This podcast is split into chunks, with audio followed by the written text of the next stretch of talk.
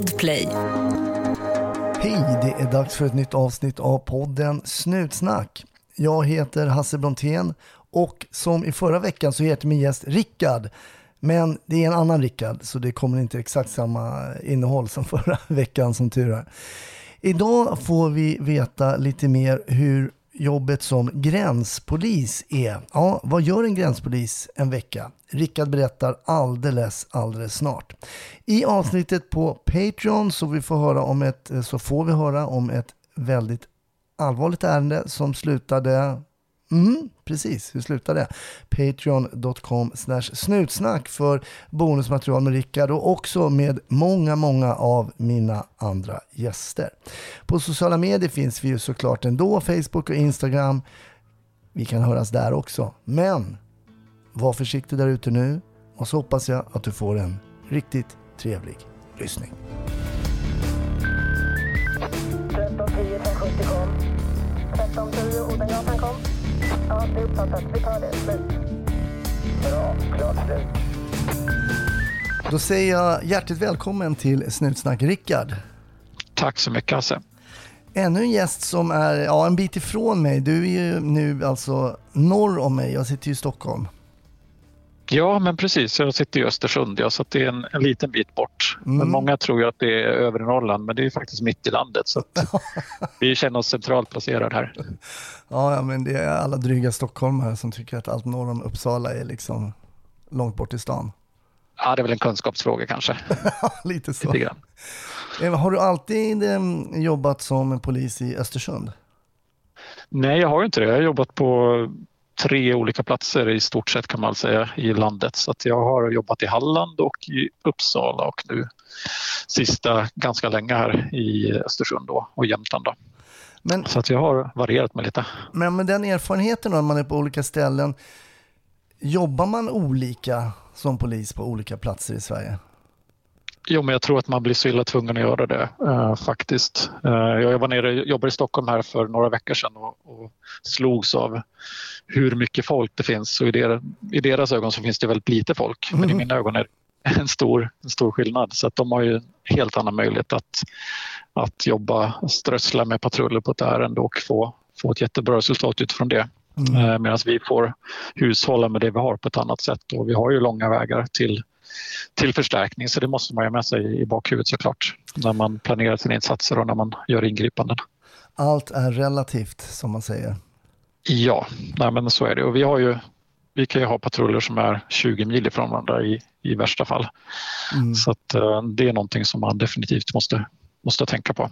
Kände du av det när du kom till Östersund, just det här sättet, tänkte så här, ja men här måste man kanske vara lite mer avvaktande eller agera på ett annat sätt. Kände du, kände du det, att liksom, det blir lite ett annorlunda sätt att jobba? Jo, men det tror jag. Sen tror jag också att eh, det krävs mer för att polisen ska komma eh, på ett ärende som rings in till, till polisen i, här i Region Nord. Det krävs lite högre dignitet om det är så att vi inte har en patrull i närheten för att Mm. vissa saker löns inte, känns det som ibland att eh, åka på. Jag tror att man kanske mer försöker lösa saker på ett annat sätt än att skicka pol polispatrull på allting. Eh, Så det, det är nog en, viss skillnad tror jag, tyvärr. Just det.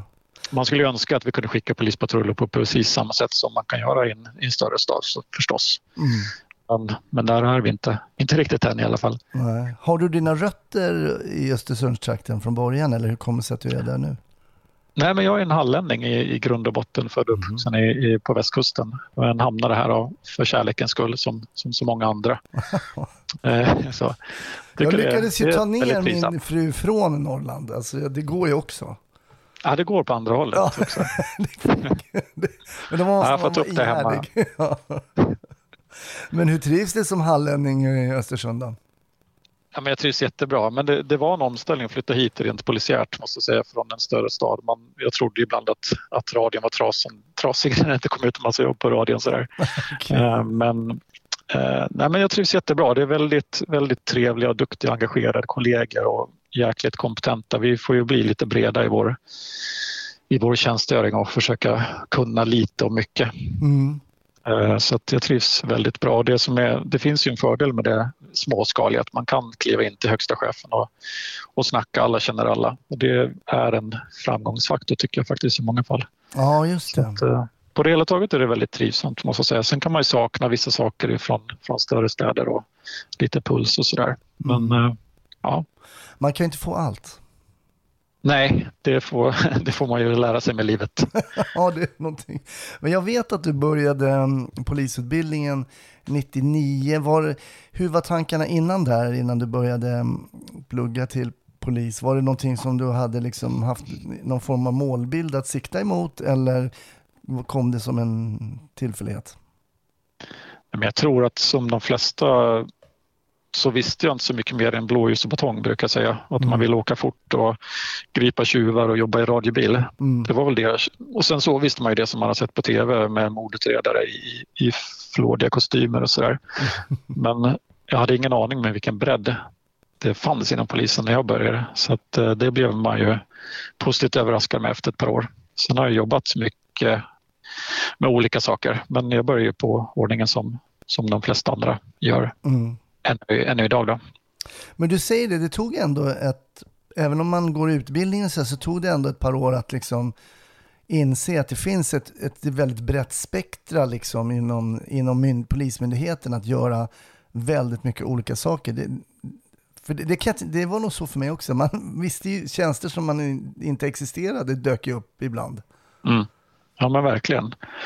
Det, så, det var någon som sa, jag läste någonstans, det finns 83 olika inriktningar, jag vet inte om det stämmer, men det, det finns ju verkligen allt från IT-tekniker till dykare, helikopterpilot, mc-polis och allting däremellan. Så det är ju extremt brett. Och det gör ju att man inte hinner tröttna kanske på att vara polis i grunden. Polis står ju alltid på skjortan och på brickan men sen kan man hitta på lite olika saker. Hade du, någon, hade du något förhållande till polisen innan? Någon släkting eller någon bekant och sådär som hade berättat ungefär hur det var? Eller bara kört? Nej, nej jag hade ju ingen, ingen liksom i min närhet som var poliser så, utan det var ju en barndomsdröm som jag hade. Men det som är lite lustigt är att min, när min mormor dog och vi rensade ur hennes lägenhet så hittade jag en gammal polistidning från 1905 som visar att det var, fanns en dödsruna på en polis som, som jag var släkt med från min mormors sida. Så tydligen hade jag en släkting långt, långt tillbaka. Det här var början på 1900-talet, slutet av 1800-talet. Så Så det Jag blev varse det då. Polis, poli, det fanns lite polisiärt DNA i ådrorna. ja, det kanske låg i generna där på något sätt. Jag vet inte. Ja. Men eh, när jag sökte så där så var jag inte medveten om att det fanns något sånt. Utan det var, det var en barndomsdröm som jag alltid velat att jag ville bli polis när jag var jätte, jätteliten. Men när du kom ut liksom på stadens gator, när du var färdigutbildad och då blev ordningspolis eller ingripande polis som man kanske säger idag då. Hur, hur, hur var den första så här initiala tiden när man kommer ut och liksom, man, folk kan fortfarande se liksom pressvecken på eh, kläderna och sådär? Jag tror att det var en ganska tuff omställning. Jag har tänkt på det i efterhand. Och jag var ganska ung när jag kom ut, så jag knappt torr bakom öronen. Och så skulle man ingripa mot betydligt äldre personer som, som hade en väldigt lång livserfarenhet. Så att bara det var ju svårt. Och sen Mm. tror jag att det var en väldigt stor omställning från en som har vuxit upp med föräldrar och, och syskon i en väldigt, väldigt trygg och lugn miljö så var det en, ändå en tuff omställning att möta sig av verkligheten och de, de sakerna som man får se som polis. Det, det tog ganska hårt tror jag. Ja, det gjorde det. Och Mm. ganska snabbt blev, blev man nog lite, lite cynisk och hård, hårdhudad sådär. Mhm. Och eh, ja, lite negativt inställd till hur synen på samhället och hur det utvecklades tror jag. Mm. Så att, eh, ja, det, var, det var en tuff omställning tror jag från, från skyddade verkstaden ut i verkligheten. Ja, jag, jag kan känna igen det eh, lite grann i det du säger. Dels att jag också var väldigt ung. Och eh, just det här att säga till ehm, människor, eh, eller prata människor till, vetta, till rätta som är betydligt äldre och där man vet att de besitter en helt annan erfarenhet kring, kring livet. Det tyckte jag också var lite, lite eh, tricky eh, i början. Ja, och det krävs ju en, ändå en ödmjuk inställning till, till sin egen roll. Tänker jag att man faktiskt är öppen med och ödmjuk med att man inte vet allt och inte kan allt. Nej. Uh, har man den inställningen så, så brukar de flesta lösa sig. De flesta bekymmer och samtal man har. Och sen får man luta sig mot sina kollegor såklart också. Uh, men det krävs ändå liksom en viss, viss självdistans tror jag Mm. och förståelse att man inte är all, allkunnig och allvetande. Sen den här andra delen som, som du nämner som jag tycker också är oerhört viktig. Man kommer från, och det är väl många som söker till polisen idag, det är väl fortfarande ganska klassisk eh, medelklass eh, människor som söker, även om det finns spretar åt alla håll givetvis. Men för mig var det också ett uppvaknande att se en värld som man nästan inte trodde existerade, fast man på något sätt då förstod att det finns ju eh, bovar och banditer och det händer saker bakom mm. lyckta dörrar som man inte känner till. Men det blir, det blir väldigt hands-on när man jobbar som polis och se de här sakerna. Man, skulle man kunna förbereda sig eh, mer för det här under utbildningen till exempel? Det är en jättebra fråga. Jag vet, jag har funderat på det där också. Jag vet inte om man kan det faktiskt. Uh, det är två helt olika saker att, att liksom rationellt förstå en sak och att få uppleva den själv. Man kan jämföra med att få barn. Man kan ju liksom intellektuellt sett förstå att det är en jättestor om, eh, omställning i livet och att man kommer älska barnet mer än något annat. Det där köper ju alla liksom intellektuellt sett men mm. jag tror inte man riktigt förstår det kanske förrän man sitter i i den situationen. Ja, det var ju en jättebra jämförelse faktiskt, även om det är mer glädje än cynism då. ja, nej, jag vet inte men... om den är sann, men det är något som jag har funderat på. Jag tror att, ja, lät, jag tror att det är svårt. Det, jo, det blir så det... teoretiskt liksom att, att förklara hur samhället funkar på riktigt och man kan känna sig ganska liksom från oben om man förklarar för någon annan som inte är polis att men så där funkar det inte. Eh, mm. Men samtidigt ska man vara medveten om att min upplevelse är inte den enda och sanna tolkningen av, av världen. Så där. Nej, för vem man än är och är, är i en situation så kan man ju bara se den situationen ur sin egen vinkel, så att säga. Rent, ja, rent praktiskt också ur den vinkeln. Eh, och mm. uppleva den ur bara sin egen vinkel. Så det är också, det är ju viktigt det du säger att ens egen eh, sanning och ens egen verklighet inte är den totala verkligheten. Ja, men jag tror att det är viktigt att ha det tänket med sig. Men och sen också om man, om man funderar på att bli polis så tänker jag att man ska vara medveten om att det kommer att, tror jag, alla, om inte det är någon superman där ute eller superwoman, att det kommer förändra en och hur man ser på samhället och hur man ser på, på mm. människor. Mm. På både gott och ont såklart. Mm.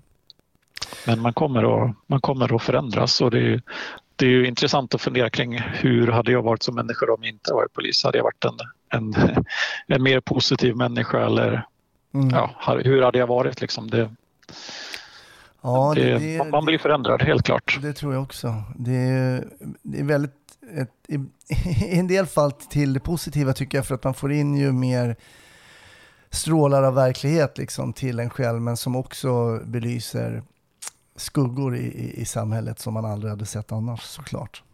Absolut, jag skulle inte vilja ha den här resan ogjord på något sätt. Jag, jag insåg att jag lät kanske lite negativ här ett tag. Eh, jag tror också att man blir mer sammansatt såklart. Man får, mm. ju, man får ju se så mycket annat som många andra inte får se och det gör ju att man kanske får en större förståelse också för Men, människan och samhället. Mm. Men jag tycker det är en klok, eh, det är nog någonting som bör sägas kanske till folk som som du säger, eh, tänker på att vilja utbilda sig till poliser eller som nu är under utbildning, att det här yrket kommer att, oavsett du vill eller inte, att förändra dig. Men det kanske alla yrken gör ändå, men, men eh, li lite mer kanske än om du skulle ha jobbat i en butik och sålt skor. Jag tror ju det, men jag har inte den erfarenheten av ha sålt skor. så att, eh, det kanske också är jättelivsförändrande. Nej, men jag, det är ju det enda jag gjort under hela min vuxna uppväxt, eller vuxna tid kan man säga. Så mm. Det är det jag känner till och kan utgå ifrån. Ett poddtips från Podplay. I fallen jag aldrig glömmer djupdyker Hasse Aro i arbetet bakom några av Sveriges mest uppseendeväckande brottsutredningar går vi in med hemlig telefonavlyssning och, och då upplever vi att vi får en total förändring av hans beteende. Vad är det som händer nu? Vem är det som läcker? Och så säger han att jag är kriminell, jag har varit kriminell i hela mitt liv men att mörda ett barn, där går min gräns. Nya säsongen av Fallen jag aldrig glömmer på Podplay. Jag tänker, är du, för, är du förälder också? Ja, men jag är det. Jag har ett gäng ungar. Ett som, helt gäng. Och det, det, det förändrar en också såklart. Mm. Och det, det är ju något som man ser på jobbet på ett annat sätt efter, efter föräldraskapet eh, kontra hur det var innan. Och jag tänker också att ditt föräldraskap, alltså din, din roll som pappa kanske hade varit annorlunda om du inte hade varit polis. Du har ju sett saker som har hänt i andra familjer, andra ungdomar och så vidare. Och så vidare. Absolut så är det. Man blir lite mer av en höns, hönsförälder tror jag, när man Mm. har det här livet. Men det, och det är väl svårast som förälder att veta hur mycket man ska... Eh, det gäller ju att våga släppa iväg sina barn och göra sina egna misstag också. Samtidigt som man ska... Det är en jättesvår balansgång. Ja, den är, den är jobbig. Den känner du till. Ja, jag känner till. Jag har ju klarat av en. Nu, nu henne har jag släppt fri för länge sedan, men nu har jag ju börjat om så att... Det, Ja, men då kan du reparera alla eventuella misstag. Det är perfekt. Ja, precis. Eh, Ja. Försök och så får du en, en ny chans. Men jag har faktiskt blivit betydligt hönsigare. Det, det kan jag erkänna rätt av. Jag har blivit mycket mer försiktig och tänker mycket mer på alla presumtiva faror där ute och sådär. Så att, men ah, det, det kanske inte är fel. Man får inte vara för overprotective heller, men Nej, det gäller att hitta det rätta, rätta mellanvägen där. Ja, min fru får hjälpa mig på vägen lite grann. Ja, det är bra de finns. Ja, faktiskt. Men vad gör du idag då i Östersund? Och vad har du liksom, har du studsat från ordningspolis till ordningspolis eller hur, hur har det sett ut för dig liksom tjänstemässigt? Nej, men jag har ju som sagt gjort lite olika och jag började med, som ordningspolis. Jag har jobbat som, som ungdomspolis på eh, blandat inre och yttre tjänst och så har jag varit eh, kortis på lite andra grejer. Så, här, men det som jag gjort majoriteten av min, av min karriär ändå nu när jag räknar ihop åren här så är det faktiskt att jag har varit gränspolis. Mm. Eh, och det är väl som det är med småställen också att man får göra precis allting som finns inom gränspolisens tak. Okej. Medan man i större städer kanske kan inrikta sig på en eller två av våra verksamhetsområden inom gränspolisen. Vi har ju lite olika saker vi gör. Mm. Men för oss så gäller det bara att byta hatt och eh, eh, göra det som behöver göras helt enkelt. Men berätta, gränspolis. Jag tror inte det är så många som får upp... Eh, min bild är att man står vid gränsen och typ kollar ett pass. Eh, men, Mm. men berätta lite mer, du som har lite mer kunskap. Ja. För mig och för lyssnarna ungefär hur en arbetsvecka kan se ut för dig. Ja, och många tror också att vi här i Östersund och i Jämtland att vi står vid storlinjen, norska gränsen och så här fargomössor på oss håller upp stopptecken och stoppar långtradare och kollar igenom dem och blandar ihop oss med tullen lite grann. Men, men riktigt så är det inte. Utan, men vi har ju egentligen eh, ett antal verksamhetsområden. Dels är det gränskontroller, det är som du säger att vara på en gränskontrollplats. Det kan vara en hamn eller en flygplats eller en, en landgräns. Nu har vi inga sådana mot tredje land i Sverige men det är ju att kontrollera så att rätt person får komma in i Sverige, att man har rätt, rätt eh, papper på sig och rätt syfte med att komma till Sverige helt enkelt. Mm, mm. Eh, Det är ju en, en del som vi gör och sen så har vi det som kallas verkställighetsärenden, att vi får ärenden från Kriminalvården och Migrationsverket på personer som ska utvisas som har ett utvisningsbeslut. Och så ska vi försöka verkställa det. Då. Mm. Sen så jobbar vi också med inre utlänningskontroll och arbetsplatsinspektioner. Och det är väl ganska mycket det som, som jag jobbar med mest här och som jag kanske tycker är allra roligast också. Eh, men vi, jag gör allt utav det här. Så jag kan sitta på flygplatsen en dag i veckan och ha en gränskontroll mot ett tredje land. Eh, nästa dag så kan jag jobba med ett verkställighetsärende av kanske någon som har blivit dömd för, eh, för något brott och fått utvisning. Och tredje dagen så ut och göra en arbetsplatsinspektion eller leta efter en person som inte har rätt att vistas i landet. Så att det är väldigt varierat faktiskt och mm. Det, Det är låter varierat. om man inte hinner tröttna och bli, bli less. Men jag tänker på de här arbetsplatsinspektionerna då. Är, det- är det att man Mm. kollar anställda har arbetstillstånd, att de får vistas och så vidare och så vidare? Ja, men precis. Väldigt mycket så. Och det finns ju ett nytt begrepp här som, eh, som man håller på att definiera i landet som kallas arbetslivskriminalitet. Eh, och förkortat A-krim. Då. Det handlar ju sådana här eh, kvalificerad förfaranden kallar man det som strider mot bestämmelser i, i lag eller i avtal Mm. och som rör arbetslivet. Och det kan vara att arbetstagare utnyttjas eller att konkurrensen snedvrids i, i systemet. Okej. Och det här utförs ofta i organiserad form eller systematiskt och ska vara av allvarlig eller omfattande karaktär som man säger. Och då finns det ett gäng olika brott som kan rymmas under, de här, under det här begreppet arbetslivskriminalitet. Det kan vara människohandel, människoexploatering, arbetsmiljöbrott, eh, bidragsbrott, skattebrott, brott mot utlänningslagen och så vidare. Mhm. Det är väldigt brett och då jobbar vi ju ofta tillsammans med andra myndigheter för att bekämpa de här typen av brottslighet. Då. Men hur får då ni förlåt nu avbröt jag dig, men Nej. hur får ni in era case? Jag tänker spontant på bygg, bygg, bygg, byggen och så tänker jag på restaurang. Det är de två liksom, branscherna jag Ja. får upp. Liksom. Men hur, hur kan det Ja. funka? Får ni in tips eller hur jobbar ni? Det får vi också. Vi har ju, dels får vi in tips såklart. Eh, dels så har vi också en allmän inspektionsrätt i utlänningslagen som ger oss rätt att kontrollera arbetsgivare i vissa branscher. Och det det är som du är inne på så finns det olika branscher som, som vi har rätt att kontrollera och de beslutas eh, centralt. Då. Och då är det till exempel bygg och restaurang, städ, eh, städbolag, assistansbolag. Eh, det är en massa olika sektorer som jag inte kan räkna upp allihopa här. Nej. Men de har vi då en generell inspektionsrätt på och då är, går kontrollen till på så sätt att vi ska kika så att arbetsgivaren har rätt tillstånd på de som arbetar för honom eller henne. Att man har rätt att vistas i landet och rätt att vistas i Sverige. Eh, och har det så har vi möjlighet att eh, ta de här personerna i förvar och sen verkställa deras utvisningsbeslut eh, i nästa skede. Då. Samtidigt som vi också utreder brott mot utlänningslagen vad det gäller av arbetsgivaren som kan få, få en påföljd för det. Då. Eh, Och man kan ju tycka att ja, men det är väl inte så farligt att ha någon som är anställd utan tillstånd i Sverige. Och det, på på liksom ytan kan det, kan det inte verka så farligt men ofta så rymmer ju sig ganska så allvarlig brottslighet därunder som till exempel människohandel och människoexploatering. Mm. Vi, vi märker det i vår vardag att många får ju jobba under jäkligt svåra förhållanden. Man kanske jobbar extremt långa dagar till väldigt liten eller ingen ersättning. Du kanske sover på en madrass i källaren till pizzerian du jobbar på eller eh, ja, du blir sjuk och du har inte möjlighet att vara eh, sjukskriven och så vidare. Eh, Sen kanske du bor, eller du bor i en lägenhet med 15 andra personer eh, och ni trängs på madrasser i, i köket och så vidare. Så det finns väldigt mycket eh, brottslighet under det här begreppet som är ganska allvarlig för samhället och som ofta ser man att det kan finnas koppling i vissa av de här branscherna mot organ, annan organiserad brottslighet också. Det. Som inkomstkälla för, för organiserad brottslighet. Så det är inte alltid bara någons kusin som jobbar på pizzerian typ?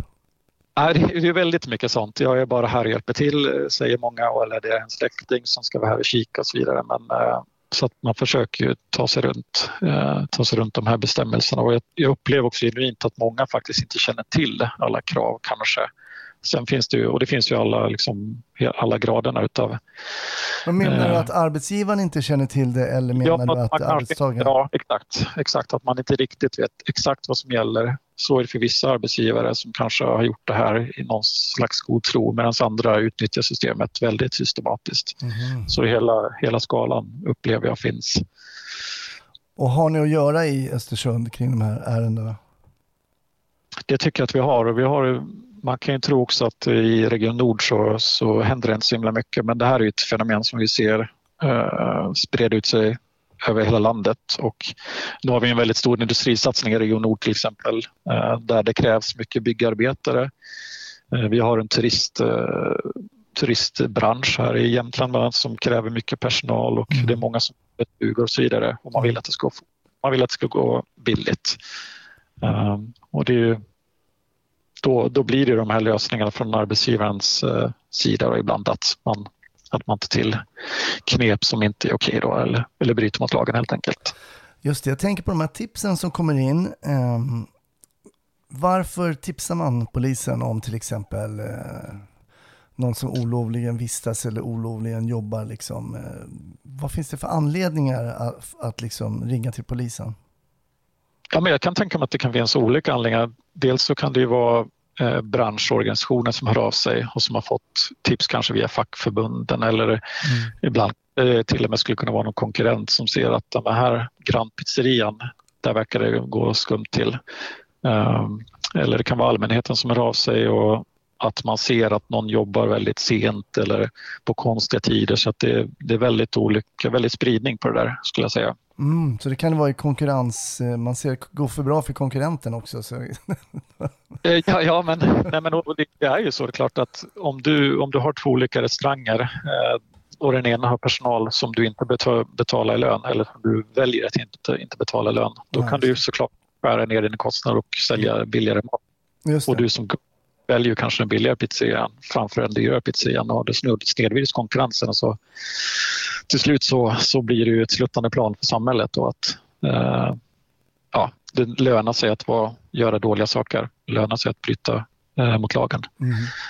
Det här är ju, eh, du berättade om, om, hur mycket du kände till kring polisarbete när du sökte, att det var bara typ eh, blåljus och batong och så. Det här är ju ett, en del av polisverksamheten som många liksom ur ja, gemene man inte känner till egentligen. De, de arbetsuppgifter som till exempel du och dina kollegor eh, utför i, i Östersund. Ja, men jag tror inte det är så himla jättespritt internt heller. Vi upplever att det finns ett eh, en behov av kunskap vad gäller utlänningslagen hos våra kollegor också.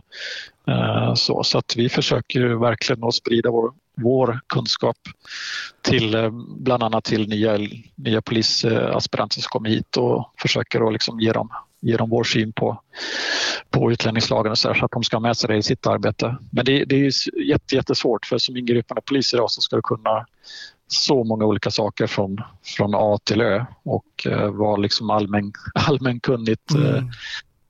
eh, i så många olika saker. Så att det är svårt, det är jättesvårt. Eh, men, och det är därför jag tänker att vi får försöka hjälpas åt och finnas där som ett stöd för dem som, som behöver. Jag tänker tillbaks när jag började jobba då. Det är ju början på 90-talet då, jag var färdig 91 och kom ut. Då hade vi, men det var ju andra regler då givetvis. Vi hade ju PL, kan det vara PL11?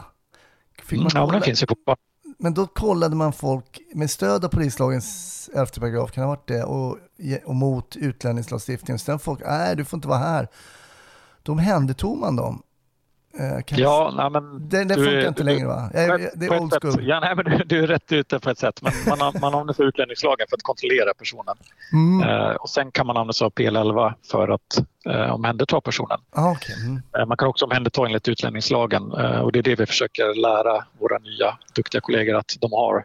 Ah, så man behöver inte använda PL11 egentligen? Man kan använda... Nej, så PL11 ska, kan du använda när du vet att Polismyndigheten kommer fatta ett beslut i nästa skede. Då kan man använda PL11, att någon, du vet att någon efterlyst exempelvis. Ja. Då, och I nästa stund ska den här personen handräckas eller den ska ja, en beslutsfattare ta ett beslut. Och likadant är det med utlänningar. Vet du att en utlänning är efterlyst eller att den sannolikt kommer tas i förvar, då kan du använda PL11. Annars är det utlänningslagens nionde kapitel och nionde paragraf.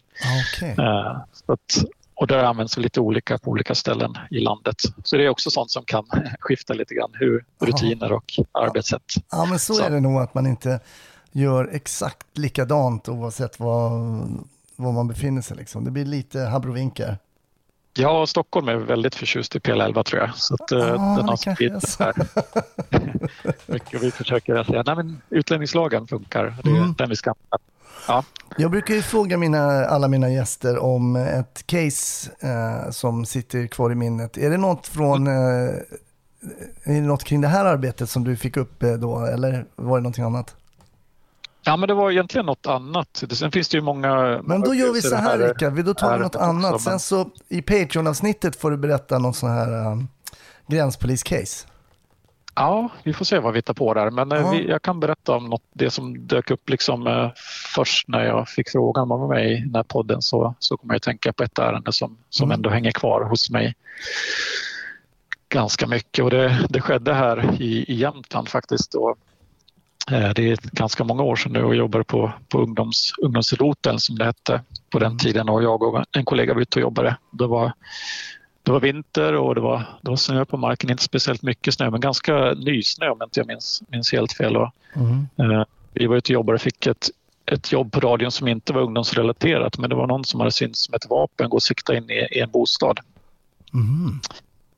Eh, och vi fick åka till den här adressen, jag och kollegan och eh, eh vi fick väl lite information från, från ledningscentralen på vägen fram och när vi kom fram så ska vi prata med den här kvinnan, en äldre kvinna som har ringt in och berättat om, om, om det här. Då. Och, eh, så vi börjar intervjua henne och hon berättar att hon har sett en, en kort person eh, stå och sikta in i en bostad, eh, en grannbostad en liten, liten bit längre bort. Då. Mm. Och det verkar ju rätt så allvarligt det här så att vi det blir ju oavsett man vill det eller ej så blir det ju att man taggar till och får lite adrenalin när man hör att det är vapen i, inblandat i en, händelse och, och, det gör ju att man man blir lite mer på tårna Mm, än ett vanligt case såklart. Mm.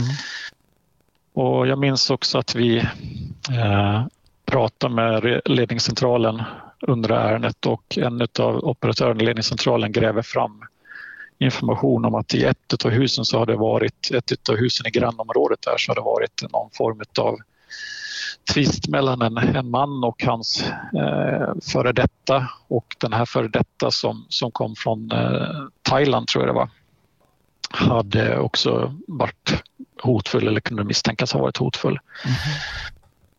Och då så kopplar vi, försöker vi koppla samman de här eh, röda trådarna och, och samtidigt så kikar vi området och var den här kvinnan som har ringt in ärendet hon pekar vad, hon har sett och när vi går dit så ser vi fotspår, eller skospår heter det rättare sagt, i snön. Ganska små, små fötter. Och tillsammans med den informationen som vi får från, från ledningscentralen eh, om en kanske att det kan varit en, en thailändsk kvinna, kort person och det går ihop med, med små fötter tänker vi. Mm. Eh, sådär. Så att vi börjar följa de här skospåren i snön och en liten bit bort så, så Hur ser vi små faktiskt var de här fötterna? Kunde du göra någon bedömning? Var det 36 Nej, eller vad? ja men ganska små någonstans där. Det är ju jättesvårt att säga i snö också i och med Ja, att absolut. det trycks ut lite grann och sådär så att de kan vara mindre eller ja, det är svårt att, att veta riktigt.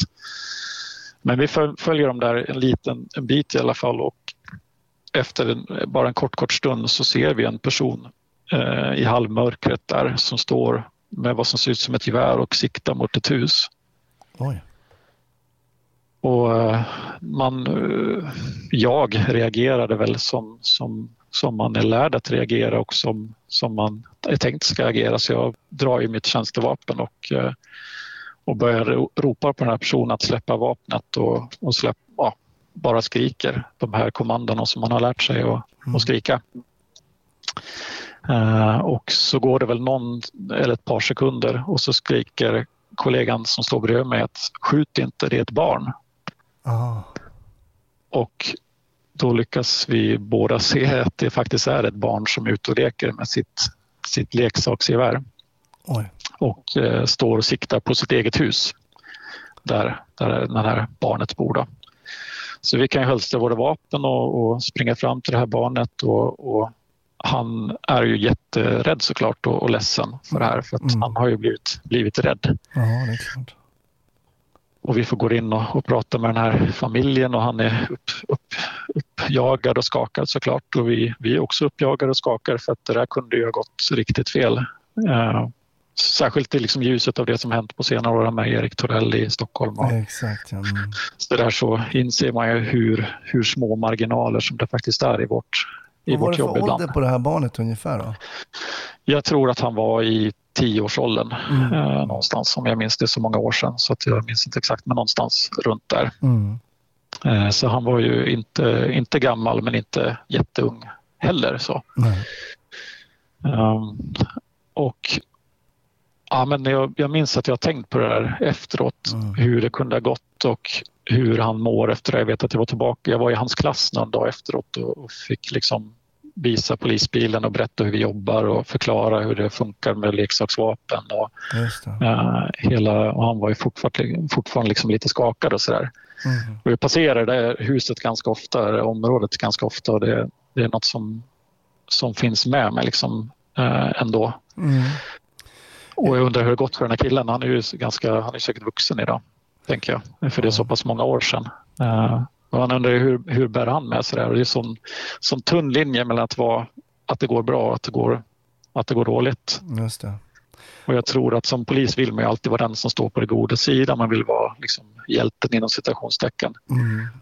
Och det kan vara väldigt eh, hårfint om man är hjälte eller något helt annat i allmänhetens ögon. Nej, precis. Som eh, just det, eh, det ärendet som du nämner där med Erik Torell där egentligen väldigt mycket gick snett. Ehm, och det kan ju ibland handla om, om ljuset, om vinklar och, och jag menar den här pojken stod nu kanske på ett sätt så att ni kunde se då att, att det var barn men hade ni kommit från ett annat håll. Jag, jag bara spekulerar nu men eh, svårigheterna kan bli så många när omständigheterna klurar, klurar till det lite grann och så blev det ju med det oerhört olyckliga fallet som där med Erik.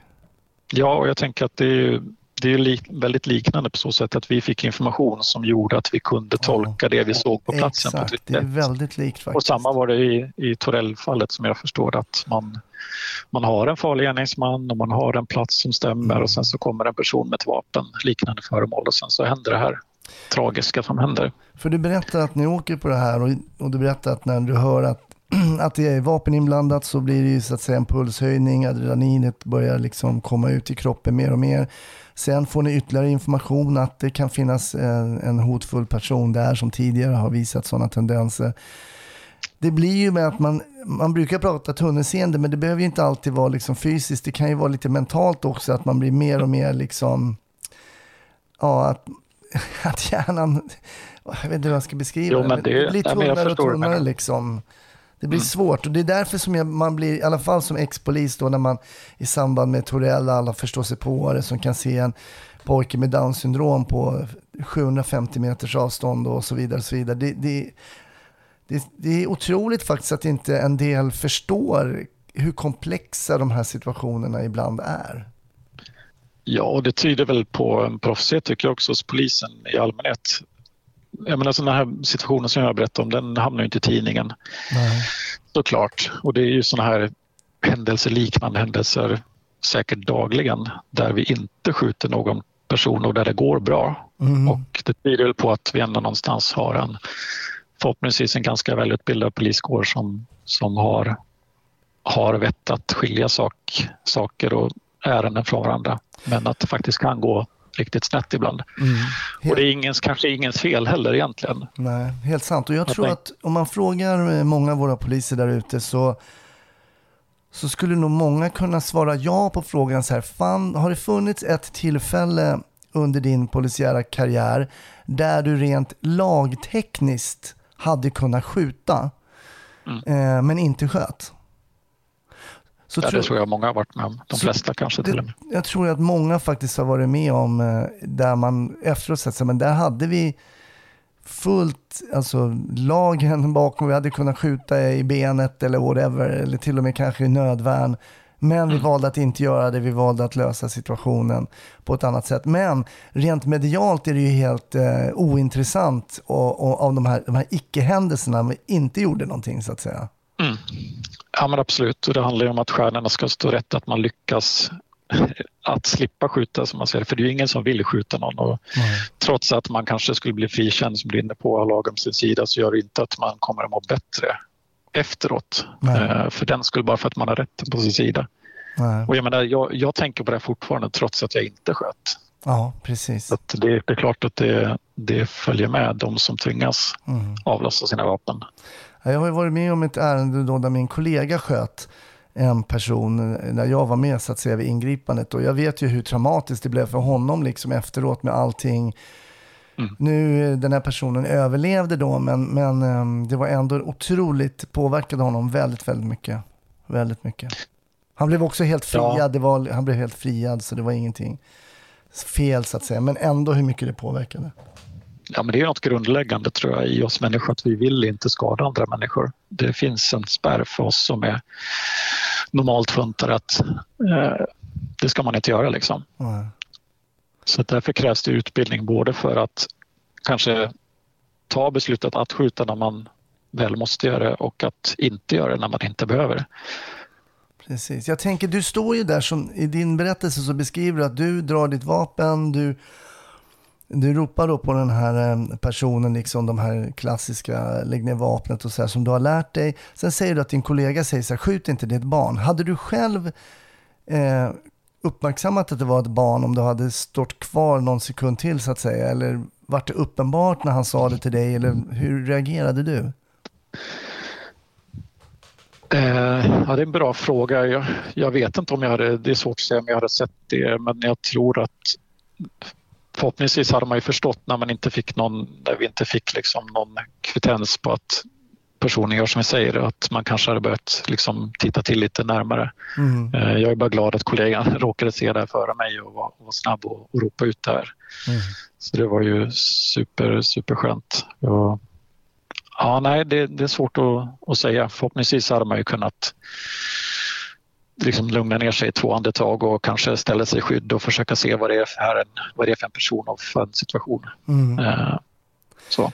Det är väldigt intressant att ditt minne, ditt minne är en händelse så att säga som inte, ja, inte blev något ska jag inte säga, men rent Alltså, Nej, men det är en icke-händelse på Ja, sätt och vis. Det är Eh, liksom som- det är inget brott och det är inget, eh, Nej. ingen har egentligen gått, blivit skadad, ingen har blivit dödad men ändå något som, har, som finns kvar i minnet. Sådär.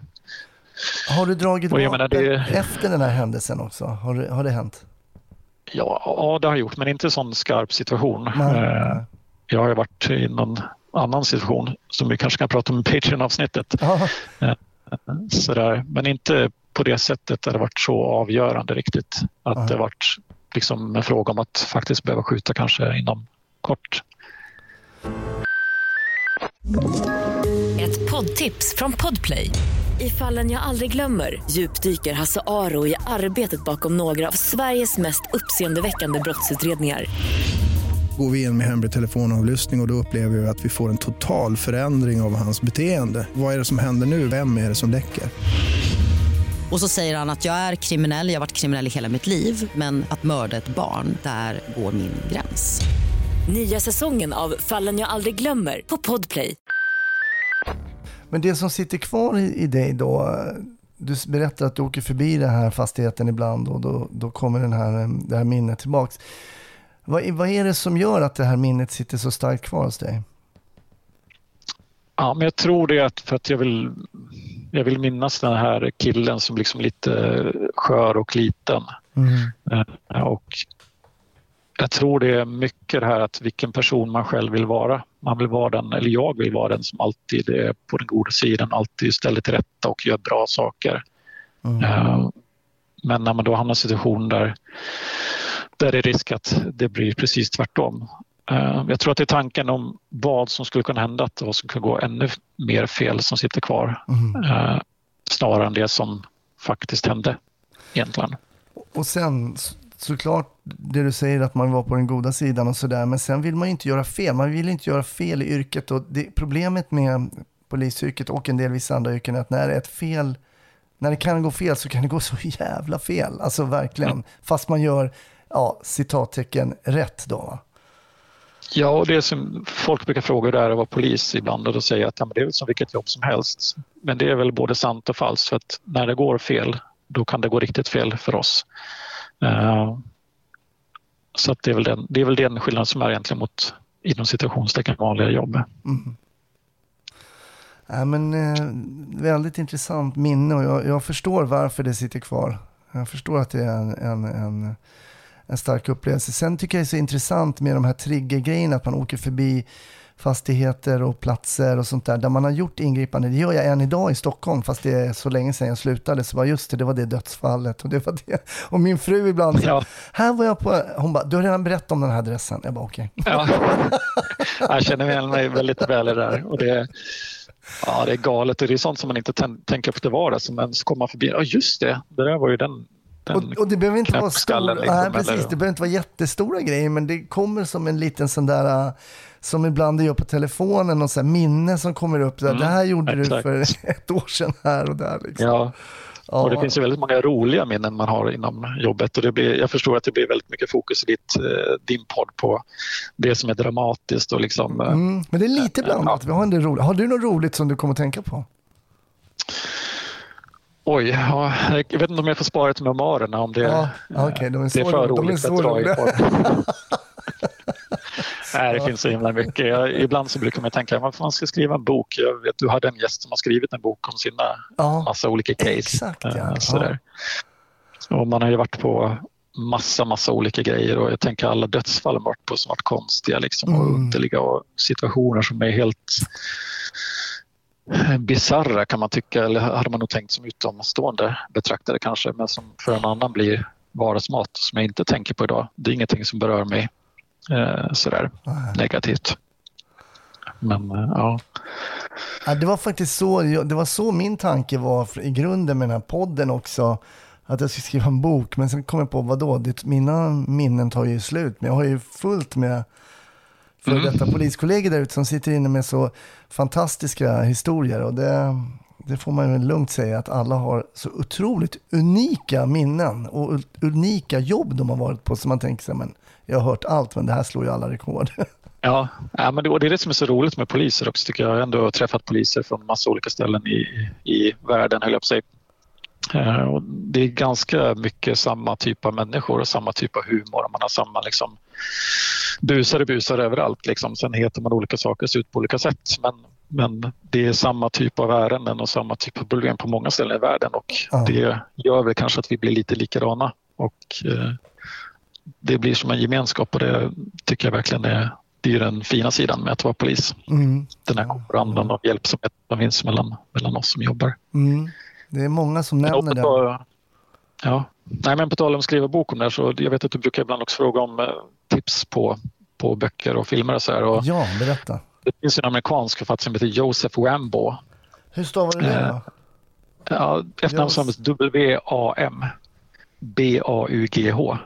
Och det är en gammal polis som har skrivit, som skriver romaner men som är baserad på liksom polishistoria. Han väver samman en massa olika röda, massa trådar till en enda röd tråd som sen mynnar ut i liksom ett, ett case. Och det är väldigt mycket eh, ur ingripande polisens eh, synvinkel så där. och Ja. extremt humoristiskt men också eh, välskrivet och roligt. Så att, han har skrivit en, en svit med böcker som handlar om Hollywood Station i Los Angeles Ah. som jag verkligen kan rekommendera. Därför där får man en riktigt bra bild av hur polisyrket är. Joseph kan Wambo, jag har skrivit upp det här nu. Precis, ja, det, det är bra tips. Det finns inte någon film eller tv-serie baserat på det vad jag vet men böckerna är väldigt lättlästa och jätteroliga och spännande så de kan, Egentligen kan ska jag rekommendera. Ja, tack. Egentligen ska man ju göra en film eller serie baserat bara på historier som är berättade i podden Snutsnack. Ja, det hade varit något. Men frågan är, skulle folk tro på det? Nej, det... Det låter, låter för konstigt. Liksom. Ja, precis. Ibland. Men Det ja, jag, jag vet att det finns- saker. jag vet att det finns vissa manusförfattare, i alla fall, jag vet en garanterat som, som lyssnar på Snutsnack och som, som ehm, ja, men lär sig lite kring eh, yrket, polisyrket och sådär och för det vidare till, ehm, Mm. till lite mer fiction. Då, och det är häftigt. Alla är välkomna att lyssna. En bra källa att ösa ur, tycker Ja, jag. det, det är det. Men, men filmer då, eller serier så här, hur känns det att kolla på det då som, som polis? Eller Ja, kollar ju du bara på det här gränskontroll, gränskontrollen i Australien? Ja, men precis. Nej, inte riktigt. Eh, Ja, men det kan vi kolla på ibland, absolut. Men, eh, nej, men svenska liksom fiction-grejer har jag lite svårt för. Det blir ju de här detaljerna som, som ofta sänker det för en med fel uniformer och radion sitter mitt på ryggen eller sådana grejer. Så jag tycker som, ja, men det är så lätt att bara fråga en, riktig polis, ser det ut så här? Mm. För att få trovärdighet i den. Mm. Eh, och jag förstår ju att det ska vara fiction, liksom, men jag har ändå svårt för, för att köpa det. Så att, eh, men man får ju bortse från vissa saker. Och jag, jag gillar ju Bosch till exempel som är en amerikansk eh, eh, kriminalpolis, mordutredare som finns som tv-serie Bosch. och även bokserie. Bosch. Väldigt- B, nej, B som är Bertil och O-S-C-H. Det har jag inte heller hört talas om. Vad är detta? Ja, men den, den är väldigt bra. Det är en jättestor amerikansk författare som heter Michael Connelly som är, Ja, som är väldigt omtyckt. Och det, nej, men det, det är en liten ensamvarg, så det är lite typisk polisen och han är svår att samarbeta med. Man har hjärtat på rätta stället och Mm. eh, bryr sig verkligen om alla, alla offer som han försöker upprätta, eh, återupprätta deras, deras eh, ära och heder så att säga. Ah. Så det, det är bra tips, finns att kika på Intressant. och läsa. Ja, Jag och eh, min fru har precis börjat kolla på en mexikansk serie, men vi la faktiskt ner vårt tittande där. Det handlade om ja, jag, La Secura, eller nej, jag säger bara fel. Men eh, det, den ska jag inte rekommendera helt enkelt. Det handlar om något fängelse, en som ska ett, frita en tjej från ett fängelse. Ah, okej. Nej, det var... Nej, det var för... Nej, man får, man får ge en chans vissa saker men sen... man men ska jag gillar att chansa också. sig Det- igenom heller. Det är kul att se något mexikanskt eller något italienskt eller franskt och så här ibland. Bara för istället, istället för att pumpa amerikanskt liksom. Men Absolut. nej, det här höll inte i manus. Några lite rackiga skådisar, dåligt manus och så. Ja, nej, men jag håller med. Det är bra att variera sig. så där, men då bara ska jag fråga här också. Hur blir det med den fortsatta karriären? Blir det gränspolis uh, to the bitter pension eller hur, hur ser det ut för dig? Ja, men många, många kollegor går i pension på gränspolisen. Uh, så att, nej, men jag, jag ser inget annat just nu som jag känner att jag måste göra. Jag trivs jättebra här. Det är, sen så ska man ju aldrig, jag blir så gammal så att jag förstår att man ska aldrig säga aldrig. Nej. Eh, till byte. Jag var faktiskt på en utflykt här förra året och provade något annat lite och, och kom tillbaka. Så att eh, Nej, jag tror nog jag blir vid min läst ett, ett, bra tag till. Så känns det. Helt det klart. Det låter faktiskt intressant måste jag säga. Ja, men eh, alla är välkomna att söka hit och det är därför vi försöker marknadsföra oss mot nya poliser för att man ska inse bredden lite mer än vad jag gjorde när jag, när jag började. Mm. Så att, men det är jäkligt kul med de nya kollegorna. De är så otroligt kunniga och duktiga så det, det är kul att möta dem faktiskt. Ja, roligt.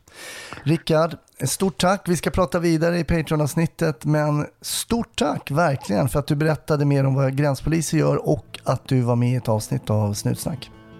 Tack själv, det var jättekul.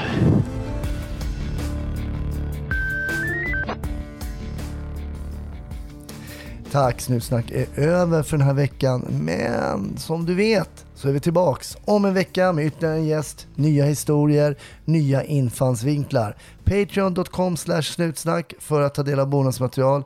Annars finns vi på Facebook och Instagram. Vi hörs. Hej!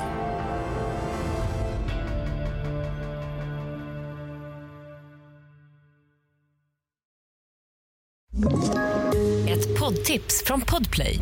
I fallen jag aldrig glömmer djupdyker Hasse Aro i arbetet bakom några av Sveriges mest uppseendeväckande brottsutredningar. Går vi in med hemlig telefonavlyssning och, och då upplever vi att vi får en total förändring av hans beteende. Vad är det som händer nu? Vem är det som läcker? Och så säger han att jag är kriminell, jag har varit kriminell i hela mitt liv men att mörda ett barn, där går min gräns. Nya säsongen av Fallen jag aldrig glömmer på Podplay.